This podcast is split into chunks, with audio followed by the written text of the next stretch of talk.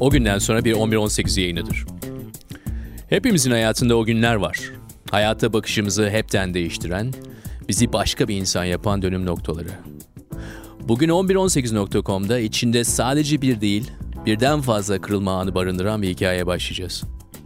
Bu hikayeyi sahibinin sesinden 4 ayrı bölüm halinde haftalık olarak yayınlayacağız. Ve bugün ilk bölümde dinlemeye başlayacağınız hikayenin sahibi Ali. 38 yaşında bir gün uyanıyor ve aslında 15 yaşında olduğunu fark ediyor. 15 yaşında bir insanın duygu olgunluğuna ve sosyal becerilerine sahip, evli, çocuklu, koskoca bir adam olarak buluyor kendini. Şimdi siz de hayatınızın ortasından bir 20-25 seneyi veya hayatınızın yaklaşık üçte ikisini çıkarıp atın.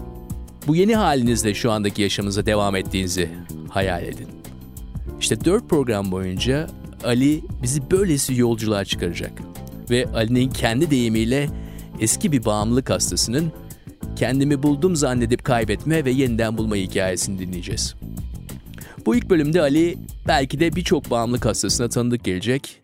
Uyuşturucularla ilk tanıştıklığının öyküsünü, bağımlılığının çocukluktan askerliğe, askerlikten evliliğe nasıl taşındığını anlatacak. Ve Ali'nin hikayesinin diğerlerinden farklı olan tarafını takip edip dinleyeceğiz. Ali'nin hikayesi 1118.com'da başlıyor. Ben 14-15 yaşlarında kullanmaya başladım. 14-15 yaşlarında işte kendi yaşıtım arkadaşlarımla bildiğimiz masum sigara içiyorduk. O zamanlar bulabildiğimiz sigaralar Bafra birinci gibi sigaralardı. Ve biz bu elimize geçirdiğimiz sigaraları oturduğumuz semtin çok dışına gidip yabancı semtlerde içerdik. Çünkü kendi semtimizde içersek bizden büyük abiler bizi görürler, hoş karşılamazlar. Biz de onlara saygı duyardık, görmelerini istemezdik. O yüzden başka semtlere gidip bildiğiniz masum sigarayı içerdik. Bir dönem böyle yürüdü. Bu arada ben içe kapanık bir çocuktum. Babam alkolikti. Her gece annemi döverdi. O bağırışmalar, çağrışmalara şahit olarak büyüdüm ben. Kendine güveni olmayan pısırık bir adamdım ben. Ama büyüdüğüm semtte köşede takılan abiler vardı bizlerden büyük. Onlara bayılırdık. Ben bayılırdım. Onlar benim kahramanlarımdı, idollerimdi. Ve biz sigara içmeye gidişlerde hep konuştuğumuz konular zaten hep o abilerdi. İşte abi şöyle yapmış, abi böyle yapmış, abi şöyle tekme atmış, abi böyle kafayı bulmuş, abi şuraya gitmiş. Hep bunları konuşurduk. Ve bir gün yine birkaç arkadaş sigara içmeye giderken yolda hangimiz konuyu açtı bilmiyorum ama biz de içelim olduk.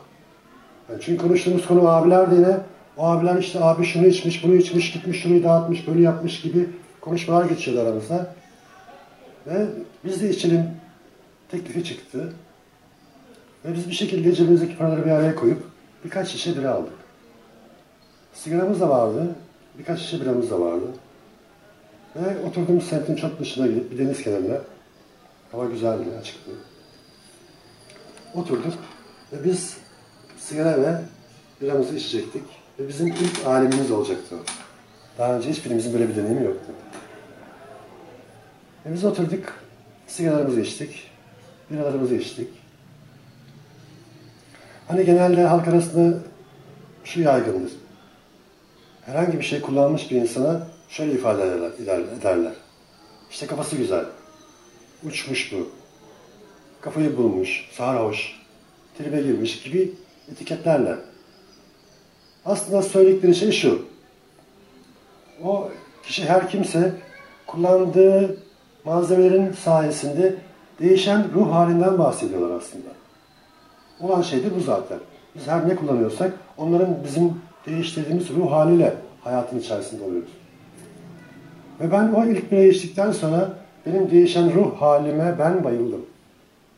O içe kapanık çocuk gitti. Evde kavga, gürültü varmış. Bana ne abi onlar yetişkin insanlar başlarının çaresine bakarlar gibi. Ve hepsinden güzel olan şey şuydu.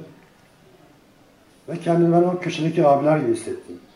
İşte onlar gibi erişkin, onlar gibi yakışıklı, onlar gibi hoplayıp zıplayan, istediği her şeyi yapabilirimmiş duygusu geldi. Ve ben o duyguya çok bayıldım, çok sevdim. Ve ben o bayıldığım duyguyu o günden sonra 23 yıl boyunca hiç bırakmadım.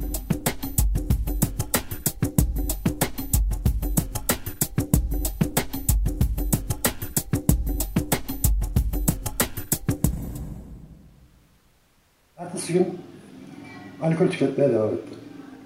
Sürekli alkol içiyor. Her gün, her gün, her gün. Ve çok kısa sürede içtiğim o biralar yetmemeye başladı. Hemen yanına işte sertler girmeye başladı. Yani vodkalar, cinler, rakılar.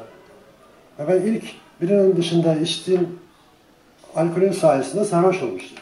Yani yürüyecek hali kalmamıştı. Ve beni eve götürdüler. Kaç kişi. İlk kez ben sarhoş bir şekilde eve götürüldüm. Annem kıyameti kopardı. Babam geldi. Benim halimi gördü. Aslan oğlum dedi ya. İşte budur dedi ya. Onaylamıştı. Çünkü o adam alkolik adam. Onun algısında bir erkek çocuk böyle olur. Algısı vardı ve ben o anlamda çok rahat etmiştim. Beni destekliyordu. Hatta zaman zaman cebime para koyardı hani git iç gibilerden. Benim artık içki tüketmem çok resmileşmişti, çok yasallaşmış, çok rahattı. Ve ben de çok seviyordum. Her gün her gün içmeye devam ediyordum. Ama farkında değildim. Her geçen gün içtik, içtiğim içkinin dozu artıyordu. O an bunu fark edemiyordum. Aradan 8 ay ya da bir sene geçti. Bir sene bu 8 ay ya da bir sene alkolle devam etti.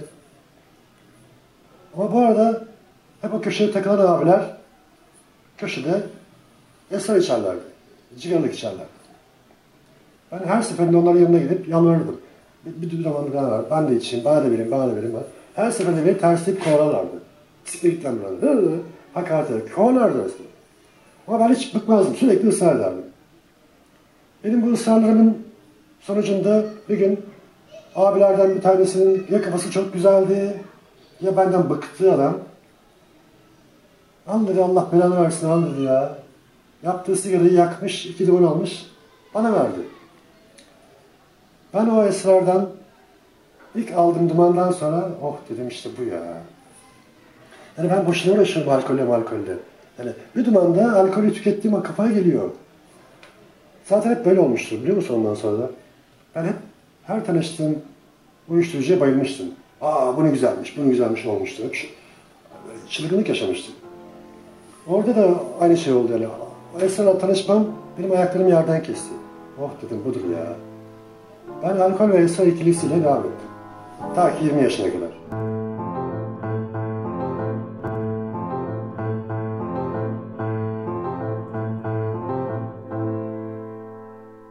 Askere gittim. Askere gittim, bir aylık askerdim. Esrarla yakalandım. O zamanlar şimdiki gibi değil. Şimdi herhangi bir uyuşturucuyla yakalandığında hastane yolu açılıyor, hastane tedavi yolu açılıyor, devletin serbestlik açılıyor. Direkt mahkeme ya da hapishane görmüyorsun. Ama o zamanlar böyle bir şey yoktu. O anlattığım şey 40 sene önce oluyor. Ben askerde bir aylık askerken esrarla yakalandım. Beni askeri mahkemeye çıkardılar. Kafam güzeldi. Zaten hep kullanıyordum sürekli. Askeri mahkeme bana ceza kesti. Ve beni cezaevine götürdüler. 30 küsur ay ceza almıştım. Bunun 16 ayını yatmam gerekiyordu. Askeri cezaevine teslim ettiler. Ben cezaevine girdiğim ilk gün, ilk saatlerde bir şey anlamadım. Ve kafam güzeldi zaten.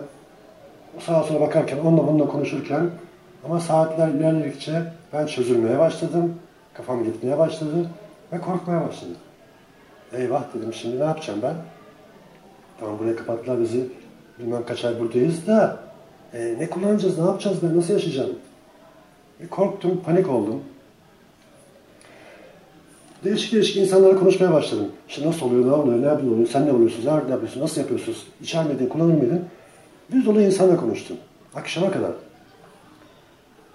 Ve ben konuşa konuşa, konuşa konuşa girdiğim ilk günün akşamında bizler adına hapishane uyuşturucuları diyoruz.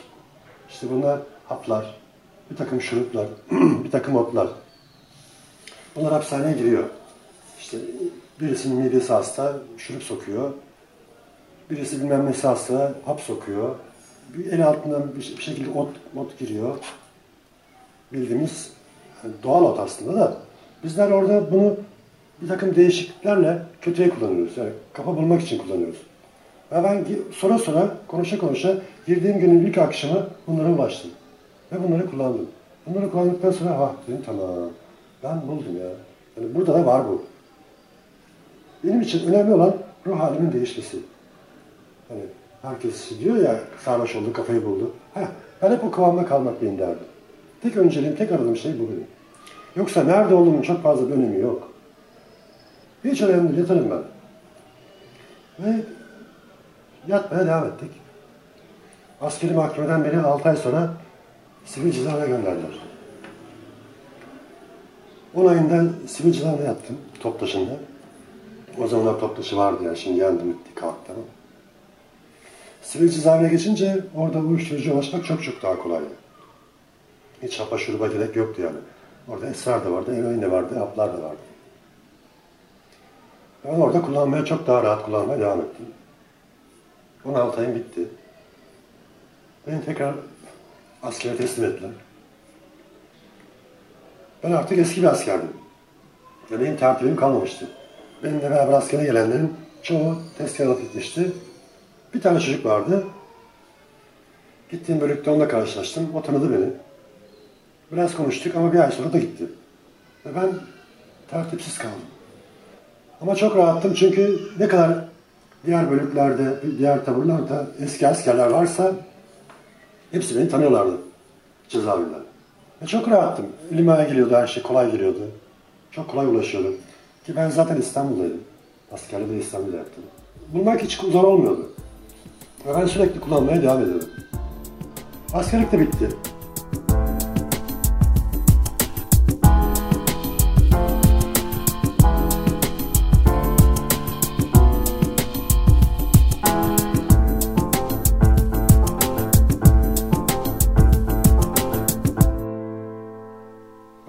20 ay için askere gittim. 36 ay sonra geri geldim. Ben askere giderken benim uyuşturucu menüm alkol ve esrardı. Ama askerlik serüveni bittikten sonra benim uyuşturucu menüm çok zenginleşmişti. O kadar çok çeşidim vardı ki hangisini nerede bulursam onu kullanıyordum. Yani benim bir tercih maddem yoktu. Ben illa şunu içerim gibi bir iddiam yoktu. Benim için kafamı değiştirsin, ruh halimi değiştirsin de fark etmezdi. Ben kullanmaya devam ettim rahat rahat, kolay kolay. Her yerde bulabiliyorsun artık. Ucuz da bunlar. Çalışıyordum, tolere edebiliyordum yani. Çok fazla yerlere düşüp kalmıyordum. Ama sürekli kullanır haldeydim. Çalışırken elime para geçiyor, bulmak çok daha kolay. Ve ben hayatımdan memnundum. Ki ben 23 yıl boyunca hep hayatımdan memnunum zaten. Bana göre bir sorun yoktu. Ama her geçen yıl, her geçen süre sonunda benim kullandığım her neyse çeşitlerim hep dozları artıyordu. Bunları hiç fark etmiyordum ben. Bana sadece yetmiyormuş gibi ve sürekli kullanmak zorundaymışım gibi hissediyordum. Sanki yarın bulamayacakmışım gibi bir endişe. Sürekli kullanmak. Tek önceliğim buydu. Aradan yıllar geçti. 27 yaşına geldim. Bu arada babam bana zaman zaman işte bazı adaylar gösteriyordu. Oğlum bak işte böyle birisi var evlendirdim seni falan gibi. Tabii bunu sonradan anlıyorum. Herhalde ben berbat durumdaydım, kötü durumdaydım. Adam da bunu görüyordu. Lan bu adam elden gidiyor. Hani bunu evlendirelim de belki adam olur. İyi niyetiyle bana böyle adaylar gösterip dururdu. Ben her seferinde ertelerdim, kıvırırdım, vazgeçerdim, olmaz derdim, ters derdim, ters derdim. Veya da bahane bulurdum, işte şunun şusu var, bunun busu var gibi. Ama bir gün yine dedi böyle böyle birisi var, biz konuştuk, gideceğiz, sen de geleceksin. Ben ne yapacağım ya benim böyle bir niyetim yok derdi.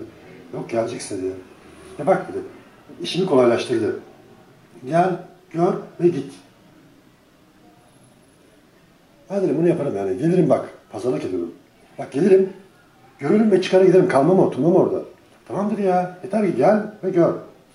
Uzatmayalım biz gittik. Kalabalık. Oturduk. Ben hep kafam güzel.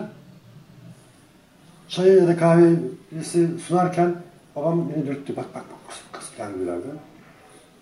Baktım. içtim çayımı. Hani ben dedim gidiyorum. Kalktım. Babam da peşinden geldi. Ayaklarımı giyerken kulağıma dedi, ne diyorsun dedi. Ben orada babama ne dediysem, evet olur mu dedim, siz birisiniz mi dedim. Ne dedim bilmiyorum ama ben gittikten sonra onlar oturmuşlar, program yapmışlar. Daha sonra bizi nişanladılar. Hep kopuk kopuk bende bunlar. Nişanlıyken zaman zaman giderdim, dışarı çıkarmak, dışarı çıkarmaya çalışırdım. Tabii ki kalabalığın içerisinde, ailesinin içerisine girerdim. Kısa bir sürede olsa. Bana şu soru gelir. Hani madem sen böyle bir tiptin de nasıl sana bu kızı verdiler? Şöyle verdiler. Benim eşim köyde büyümüş bir insan. Böyle şey bilmiyor. Şahit olmamış. Sonradan İstanbul'a gelmiş. Ailesi de öyle. Benim o tuhaf hallerimi görüyorlardı, fark ediyorlardı. Ben de sonradan öğreniyorum. Benim o tuhaf hallerime hep bir etiket koymuşlar. İşte çocuğun işleri bozuk, morali bozuk. O yüzden böyle biraz tuhaf. İşte yeni nişanlandı ya, çok heyecanlı. Ondan biraz böyle. Utangaç bir çocuk, içe kapanık galiba. Hep böyle et, masum masum etiketler koymuşlar. Evlendik. Kafam güzeldi. Hani o nikah oldu. Tamamen hepsini teker teker anlatacak durumda değilim çünkü hatırlamıyorum. Ama hatırlayabildiğim kareler var. Nikah oldu, şahidim hatırlıyorum. Gelen insanların bir kısmını hatırlıyorum. Sonra yemek yendi. Sonra eve geldik. Sonrasını hatırlamıyorum mesela. Ben gerdek gecemi hatırlamam. Aradan zaman geçmeye başladı. Bir sene sonra kızımız oldu.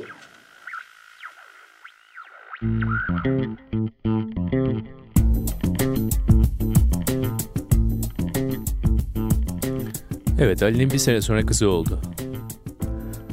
Uyuşturucu bulduğu sürece hapiste olmayı dışarıda olmaya yeğleyen biri nasıl bir eş, nasıl bir baba veya nasıl bir insan olur diye soruyorsunuz.